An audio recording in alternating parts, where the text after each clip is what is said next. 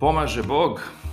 Ovo je podcast advokata i narodnog poslanika Vladimira Đukanovića.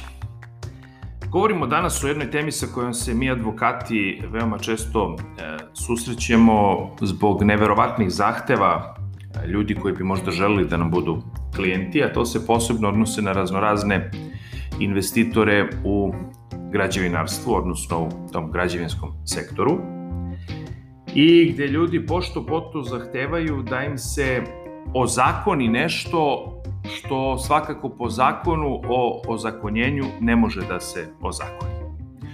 I onda se vi suočavate sa neverovatnim stvarima, posebno vam dolaze ljudi ukoliko recimo razmišljaju da vi imate nekakav politički background, odnosno imate nekakve političke veze, pa možete da mu pomognete, pa onda vas ubeđuju, ali to sve može, vidi kako onaj tamo je o meni ne daju, nose se koverte i tako dalje i tako dalje. Ja naravno čim mi dođe takav neki investitor uh, u kancelariju, ja ga izbacim napolje, zato što na tu temu ne razgovara. Znači, ako neko krene sa pričom, znaš, nosi se koverta, traži se toliko, ja mu kažem, došao si na pogrešno mesto, ja radim nešto što je u skladu isključivo sa zakonom, ja sam advokat, a ti ako misliš da to može tako, ti idi to radi, ili već kako to zamišljaš, Eh, onda idu sa pričom, pa jeste, ali traže mnogo i onda kažem sledeće, dobro gospodo, ajmo onda ovako da to izvedemo. Ajde da onda obeležimo te novčanice, da prijavimo tog ko vam traži novac policiji i da ga policija onda uhapsi. E onda, naravno, se povuku, pa ne bi mi da druge nameštamo, pa ne bi ovo, pa ne bi ono, pa, pa što onda to pričate? Zašto onda to pričate i Čini mi se veoma često pokušavate linijom manjeg otpora da dođete do nečega što inače po zakonu ne biste mogli da dođete, samo zato što idete sa tom pričom da se nose koverte tamo nekom sekretaru za legalizaciju ili već ne znam kome, i onda od toga ispada čak i politička priča. Znači ja otvoreno kažem svakome, misliš da to može, Ajde onda ćemo da izvedemo sledeće, prijavit ćemo tog uzima novac inspektora, koga god, prijavit ćemo ga policiji, policija će da odradi svoj posao tako što će verovatno da mu namesti te novčanice, obeležit će ih i onda će taj da ide u zatvor. E onda kad vi to nećete, onda shvatam da ste vi zapravo prevaranti koji želite preko određenog uticaja da dođete do nečega što inače, kažem opet po zakonu, nikako ne može da se dogodi. Zato u ovom podcastu govorimo na temu o zakonjenja objekata koje ta oblast je zapravo definisana uh, zakonom koji je donet 2015. godine, zakon o zakonjenju objekata i mi ćemo konkretno ovde govoriti šta nikako ne može da bude ozakonjeno i šta se dešava sa takvim objektima koji se evidentiraju da su nelegalno izgrađeni. Znači, član 5. koji definiše uslove za ozakonjenje kaže veoma precizno da predmeti ozakonjenja ne mogu biti objekti sledeći. Pre svega objekat izgrađen, odnosno rekonstruisan na zemljištu nepovoljnom za građenje, klizište, močvarno zemljište i tako dalje. Zatim objekat izgrađen, odnosno rekonstruisan od materijala koji ne obezbeđuje trajnost i sigurnost objekta, Zatim, objekat izgrađen na površinama javne namene, odnosno na zemljištu planiranom za uređenje ili izgradnju objekata javne namene, za koje se u skladu sa odredbama posebnog zakona utvrđuje javni interes i koji su obavezno javnoj svojini u skladu sa odredbama drugih posebnih zakona. Znači, veoma se vodi računa o javnom interesu, šta je u javnoj svojini i tako dalje i tako dalje. Ono što je četvrti uslov, nekako najšire definisan i preciziran, ne može se nikako zakoniti objekat izgrađen u prvom i drugom stepenu zaštite prirodnog dobra, osim vikendica i drugih porodičnih objekata za odmor u drugom stepenu zaštite prirodnog dobra, odnosno u zoni zaštite kulturnog dobra od izuzetnog značaja i zoni zaštite kulturnih dobara upisanih u listu svetske kulturne baštine, odnosno radovi na samom kulturnom dobru od izuzetnog značaja ili dobro upisanom u listu svetske kulturne baštine, izgrađen u zonama sanitarne zaštite, izvorišta vodosnabdevanja, izgrađen u vojnom kompleksu i zaštitnim zonama oko vojnih kompleksa, i objekat infrastrukture posebne namene, odnosno izgrađen, rekonstruisan ili dograđen suprotno propisima o odbrani kojima su propisane posebne obaveze za izgradnju objekata kao i drugi objekti izgrađeni u zaštitnim zonama u skladu sa određenim posebnim odredbama posebnih zakona u zaštitnom pojasu puta železnice, dalekovoda, vodotoka, poletno sletne staze kao i druge zaštitne zone u skladu sa odredbama posebnih zakona. Znači, kao što vidite, u takvim, na takvim mestima nikako ne može doći do ozakonjenja a, objekta. Ne može se ozakoniti ni objekat izgrađen u zaštitnoj zoni duž trase radio koridora na pravcima prostiranja usmerenih radio signala između radio stanica u kojoj nije dozvoljena izgradnja ili postavljenje drugih radio stanica antenskih sistema ili drugih objekata koji mogu ometati prostiranje radio signala ili uzrokovati štetne smetnje. Tu naravno sada postoje i određeni izuzeci, ali kažem, ovo su objekti koji ako su izgrađeni na ovakav način i na ovakvim mestima, nikako se ne mogu ozakoniti. Međutim, ovde ono što je uvek e, zanimljivo ljudima, to je takozvani datum, odnosno zakon o zakonjenju objekata je predvideo članom 6 do kog e, roka ste mogli da podnesete zahtev za legalizaciju i tu je najveća kočnica investitorima, odnosno građevincima koji su krenuli da negde nešto gradi i da oni zapravo traže vezu da im se nešto ozakoni. Zašto? Predmet ozakonjenja je objekat za koji je podne zahtev za legalizaciju u skladu sa ranije važećim zakonom koji je bila uređena legalizacija objekata, znači do 29. januara 2014. godine. Predmet ozakonjenja može da bude i objekat izgrađen na osnovu građevinske dozvole, odnosno odobrenja za izgradnju i potvrđenog glavnog projekta na kojima je prilikom izvođenja radova odstupljeno od izdate građevinske dozvole, odnosno odobrenja za izgradnju i potvrđenog glavnog projekta, i zahtevi prijave za legalizaciju podneti do 29. januara 2014. godine smatraju se zahtevima u smislu i ovog zakona.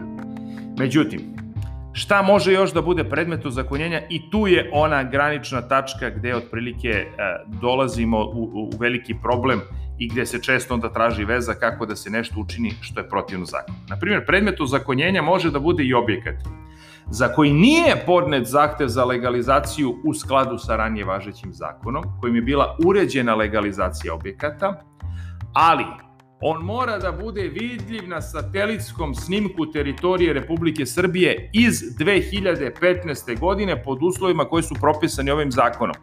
Šta to praktično znači? Satelitski snimak iz stava 4 ovog člana mora da bude dostupan na uvid građanima u elektronskom obliku na internet stranici Ministarstva nadležnog za poslove građevinarstva, popis i evidenciju nezakonito izgrađenih objekata iz stava 4 ovog člana sprovodi jedinica lokalne samouprave.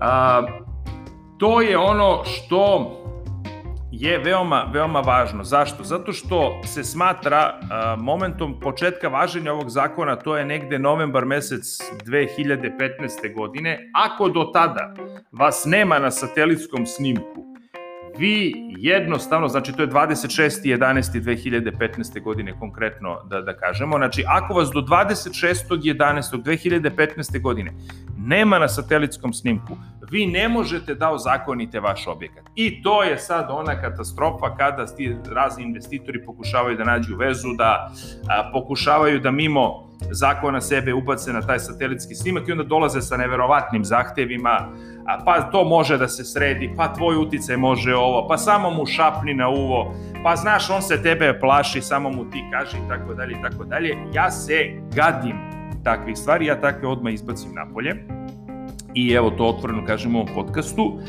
Znači, ne postoji mogućnost da ozakonite objekat koji nije na satelitskom snimku ministarstva nadležnog za poslove građevinarstva do, dve, do 26. novembra 2015. godine. Posle toga, ako se on nađe, on ne može da bude, da bude prosto legalizovan. E sad, ono što je veoma važno, naravno, pošto postoje razne, odnosno, ne, prši se naravno popis te nelegalno izgrađene nelegalno izgrađenih objekata, Šta se onda tu dešava? Jedinica lokalne samouprave, odnosno nadležni inspektor ide, oni su imali zadatak inače da idu da to sve popišu, Kada se to sve popiše, jedinica lokalne samouprave u slučaju grada Beograda konkretno grad, znači ne opština, opštinama je to tada bilo uzeto, grad Beograd je taj koji će odrediti rušenje tog objekta i jednostavno kako je to inače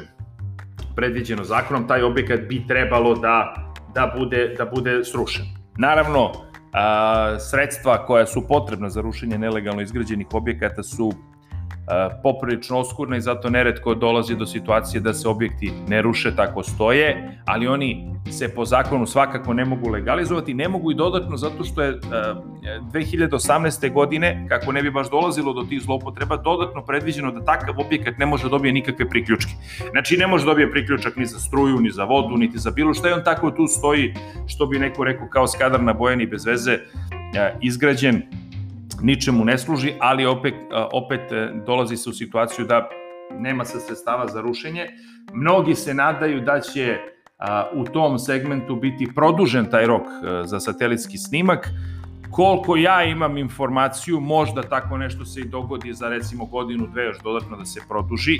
Ne kažem da sam upravo, ne, ne, ne mogu da kažem sa sigurnošću da je to tačno, ali s obzirom na situaciju koja se događala, može da se tako nešto predvidi, međutim sigurno se neće predvideti, bar tako je i ministar Momirović e, naglasio u jednoj televizijskoj emisiji da oni koji su to zidali nadajući se da će svoje hotele, velelepne objekte i tako dalje, zgrade i tako legalizovati upravo na taj način što će se produžiti rok, ne, njima to neće biti omogućeno, već će se verovatno gledati neko, što bi naš narod rekao, siromašnijem delu stanovništa koji neku kućicu sa zida uspeo da napravi, pa da njemu se možda eventualno tu pomogne, mada naravno jako je teško sad tu naći takvu normu koja bi napravila tu vrstu diskriminacije, međutim, kako sada stvari stoje, ne možete nikako da legalizujete objekat koji nije na satelitskom snimku do 26. novembra 2015. godine i u skladu s tim evo ja sam želao prosto ljudima da malo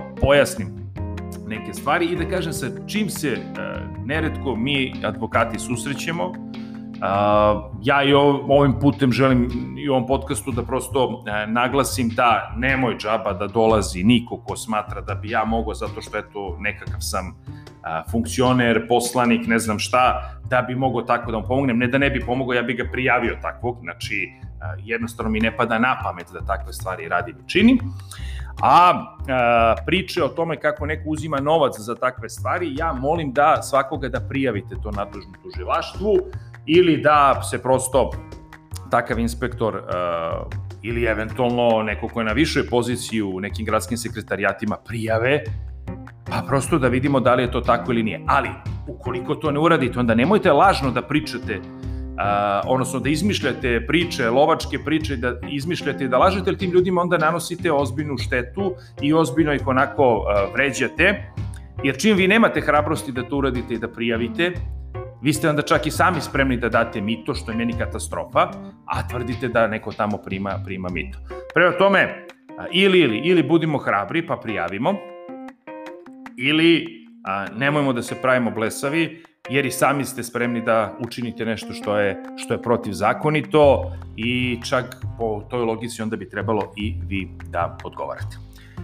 Toliko od mene u ovom današnjem podcastu, nadam se da je bilo dovoljno zanimljivo. E, čujemo se nekom drugom prilikom.